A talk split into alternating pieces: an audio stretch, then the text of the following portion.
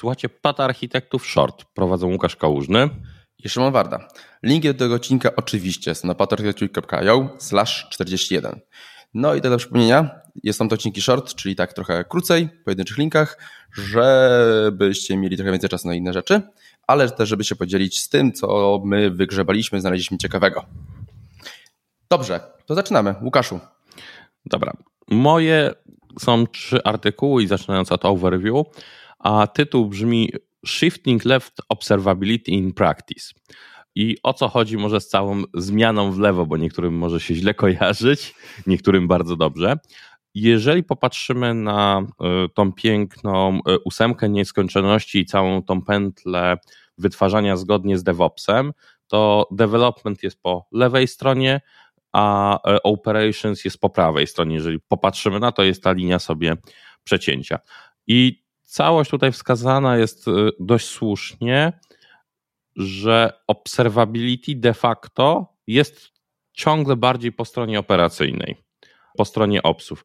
Nawet mając parę miesięcy temu szkolenie dla jednego klienta, dla zespołu deweloperskiego właśnie z red monitoringu, okazało się, że nie mają dostępu na produkcji do metryk kubernetesowych czystych i do to Prometeusza. Jest, brak dostępu jest bardzo popularnym problemem. Tak. I nawet dla budowy własnego monitoringu i dla dashboardów. Więc same podejście bardzo fajnie pokazuje problem. I jeżeli zobaczymy na mm, rzeczy, dlaczego powinno e, to pójść w lewo.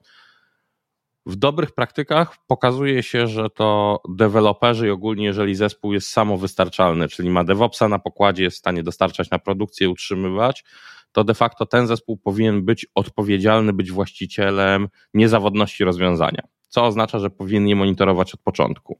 Zgadza się, tylko tu wchodzimy w te antyczne problemy, które na są, czyli po pierwsze security, nie wiem z jakiego powodu, ponieważ metryk nie powinien zawierać niczego wrażliwego, ale często firmy nie chcą tego dawać, a drugi problem cały system on-calli. Jak tak. to rozłożyć? Tak, to jest, są już e, inne historie, ale wchodząc w szczególności on-call, to jest już e, zupełnie inna e, historia.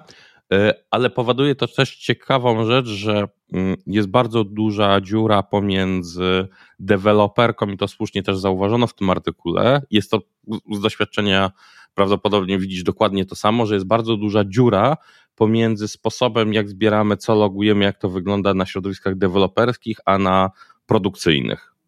Zgadza się? Co jest gorzej tak naprawdę? Jeżeli deweloperzy piszą na przykład alerty, wysyłają metryki i tak dalej, są odpowiedzialni za produkcję tych wszystkich eventów i produkcję przykładowych dashboardów, to dashboardy są z reguły kompletnie niezrozumiane albo powinny wyglądać zupełnie inaczej dla ludzi obsług po prostu którzy nie znają tego systemu, więc takie rozdzielenie jest kompletnie nie ma żadnego sensu. I się zgodzę, że to trzeba jednak połączyć, powinny być wspólnie odpowiedzialne. Znaczy, zespół powinien być odpowiedzialny, po prostu tak może. Ciekawą rzecz zauważyłeś, bo zastanawiałem się, czy to wtrącać, czy nie, właśnie, że każdy na system patrzy z innej perspektywy. Że opsi chcą bardziej prosty dashboard i w ogóle, że jest problem, żeby w ogóle ktoś im powiedział, że jest problem, a deweloperzy niektórzy, pamiętam właśnie taką styczność, że My chcemy już mieć od razu metryki JVM-a zagregowane ze wszystkich instancji. A to wiesz co, powiem ci, powiem ci, że tak bym się tym trochę nie zgodził, ale w kontekście jednego case'u, gdzie właśnie prowadzamy taki y, przypadek właśnie, żeby zespoły deweloperskie zaczęły monitorować produkcję i były za nie odpowiedzialne. I jeżeli mają system, gdzie zależą od systemów zewnętrznych, których w pełni nie rozumieją, to dla nich pierwszym w ogóle rzeczą, których, których potrzebują, to jest application map Czyli taki high-levelowy rzut, jakie systemy są, co z czym się wywaliło, co z czym nie działa.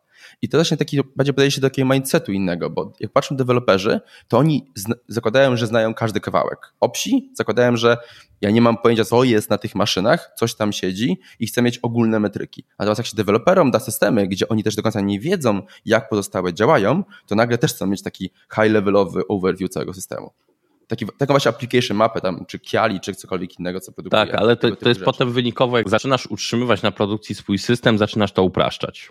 Zgadza się w zupełności, ale te tak. potrzeby po prostu ewoluują w różny sposób tak naprawdę. Jak tak. od wąskiego spojrzenia wtedy patrzymy o dokładne metryki, jak mamy szersze spojrzenie, to nagle mówimy, ok, tego za dużo na wąskie metryki, nie wszystko znam, potrzebuję mieć ogólny y, oversight. No i ostatni taka e, ciekawostka z tego artykułu, która różnie na to patrzeć, ale patrząc się na koszty tuli do składania logów, log everything and make sense later.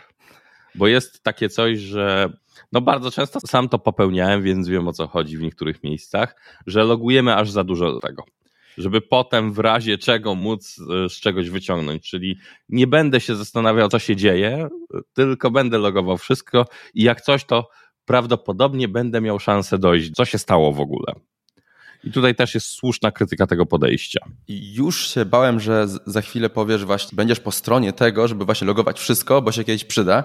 I już się chciałem nie zgodzić, bo to jest tragiczne podejście, bo wtedy można utonąć w morzu informacji i znalezienie, zresztą jak się ma pad na produkcji, znalezienie konkretnego problemu zajmuje dużo dłużej, ale dobrze, tak, zgadzam się z zupełności. Y, logowanie za dużo jest naprawdę problemem i też jest znaczy, drogie. Jest tak, jest, jest drogie i też jest o tym wspomniane. Przy czym to jest błąd każdego początkującego architekta, który dostaje y, tech leada, który dostaje kawałek systemu i który ma też go utrzymać produkcyjnie.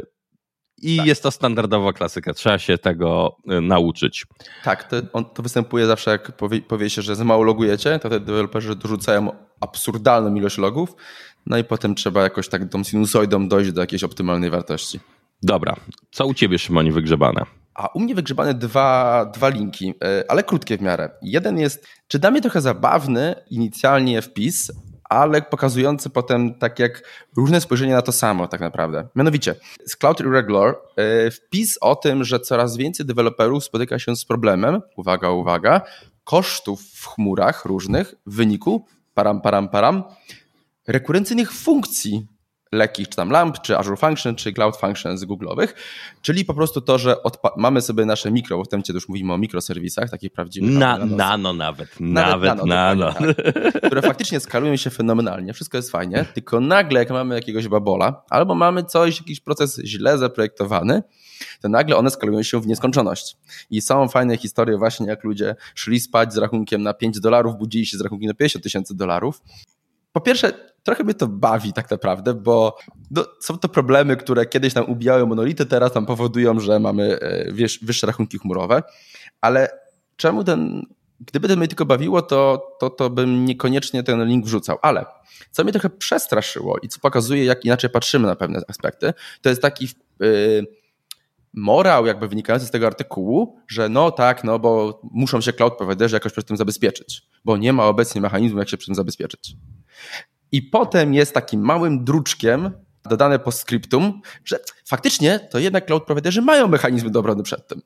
Są budżety ażurowe i są jeszcze inne mechanizmy, ale teraz czemu to jest ważne? Bo to pokazuje, jak nawet jak ważny jest governance, taki prosty governance, jeżeli chodzi o budżety i pilnowanie kosztów i monitorowanie i tak dalej, tak dalej, każdej sytuacji. Nawet jak są takie prosty systemik na funkcyjkach, tam się nic nie może popsuć.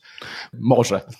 Czy wiesz co, przypomina mi to zlecenie zbijania kosztów z tego roku, gdzie jednym pytaniem zaoszczędziliśmy połowę kwoty y, kosztu systemów, bo okazuje się, że żadna ze stron nie wykorzystuje tego komponentu, który zżera połowę rachunku systemu. Tak, takie rzeczy się zdarzają oczywiście, y, ale w ogóle pilnowanie kosztów, taki, taki najbardziej trywialny governance, to jest konieczne tak naprawdę i to jest też super łatwe w ogóle do zrobienia. I Dobra. Drugi, Drugi właśnie. On mnie bardziej ciekawi. Tamten jest zabawno przerażający i życiowy. Tak, życiowy. A drugi a ten jest, jest przyszłościowy. Przyszłościowy jest, no bo y, przez od wiele lat przynajmniej ja słyszę o tym, że jak pojawiają się komputery kwantowe, no to w tym momencie jesteśmy w głębokiej wiadomo gdzie, no bo wszystkie nasze algorytmy do szyfrowania, SSL i tak dalej nie istnieją. Po prostu nie ma opcji, żeby one absolutnie działały. No bo komputery kwantowe nagle koszt tego obliczenia prywatnego klucza, na przykład z kilkuset lat, upraszczają do kilku minut tak naprawdę. No i teraz co z tym zrobić? Otóż okazało się generalnie, że była, e, był konkurs ogłoszony i powstały algorytmy, które są w stanie sobie z tym poradzić. Cały mechanizm, jak sobie poradzić, mianowicie tym głównym algorytmem, który prowadzi obecną całą dyskusję jest Kyber. No to wchodzimy w fizykę kwantową i wchodzimy w probabilistykę i wchodzimy generalnie też do zawiło matmę, ale upraszczając, jak to działa i jak można to wykorzystać? Otóż Cloudflare nie tylko, bo przy, przy okazji jeszcze Amazon zaczął wspierać algorytmy e, hybrydowe, czyli mamy sobie, mamy sobie klucz, który generalnie, jeżeli odbiorca wspiera normalne, obecnie wykorzystywane algorytmy, to lecimy tym standardowym. Natomiast jeżeli wspiera właśnie Kybera, to w tym momencie lecimy tak, tym tak zwanym post-quantum algorytmem, który jest odporny na ataki i na rozszyfrowania wykorzystując komputery kwantowe. No i ponieważ oczywiście jest to Cloudflare, to może, można z tego skorzystać już teraz, więc to po prostu działa. I co mnie cieszy? Cieszy mnie to, że y, jako IT żeśmy zaadresowali problem, zanim on nas ugryzł bardzo mocno. Wiesz co? Jest to ciekawe. Ja tylko miałem z Markiem o tym, z Markiem Grabarzem miałem dosłownie wczoraj rozmowę o właśnie komputerach kwantowych i podejściu do tego. Y, jak bardzo czujemy się, próbując to zrozumieć, jak bardzo, nawet rozumiejąc podstawy fizyki kwantowej, y, jak bardzo leżymy w tym obszarze i nie mając problemu z tymi abstrakcjami. Czy to jest już skomplikowana matma i naprawdę nie, nie fizyki tak naprawdę? Tak. I to, co jest jeden taki ciekawy, gdzie mamy wspólny, mieliśmy gdzieś tam wspólny wniosek, że dopiero prawdziwe te algorytmy, kiedy gdzieś dojdzie do użycia komercyjnego, to będzie tak jak z informatyką lata 50., 60., że w latach 70. dopiero unormowały się te wszystkie bazy, które stanowią nam na dzień dzisiejszy informatykę i te wszystkie rozwiązania i z komputerami kwantowymi prawdopodobnie jesteśmy w odpowiedniku lat 50. w informatyce. Y, pewnie tak. Jestem przekonany, że jeżeli będzie Kyber szeroko wykorzystywany, to okaże się, że ma milion dziur i będziemy się z niego śmiali, jak mogliśmy popełnić tak karygodne błędy. Ale cieszy mnie w tym całym ruchu to, że coś się pojawiło i że adresujemy problem. To jest przede wszystkim ważne. Że znaczy tak, ja jestem ciekaw, co będzie e, konsekwencją, tak jak mamy AES-a, który w Stanach wiadomo jest przez instytucje, przez NIST e, polecany znajduje się w FIPSie i co właśnie pójdzie dalej tak naprawdę w tamtych kierunków takich już oficjalnych, jako przyjdzie jako oficjalne standardy. No, otwiera się nowy świat. E, komputery kwantowe to nie będzie coś, co będziemy mieli w domu wykorzystywane, to będzie coś, co będzie typowo chmurowe i jako usługa. Masasa, tak, nie oszukujmy się. To jednak chłodzenie czegoś do temperatur bliskich zera nie jest. Ale inaczej. Coś, wy, coś się wymyśli, o tak. Ja też wie, wierzę w to, że będzie przeskok technologiczny mocny, ale dojdźmy do prawa mura w przeliczeniach kwantowych i wtedy będzie można zobaczyć. Tak, więc to chyba tyle, jeżeli chodzi o linki. Kończymy? Kończymy. Na razie. Na razie, hej.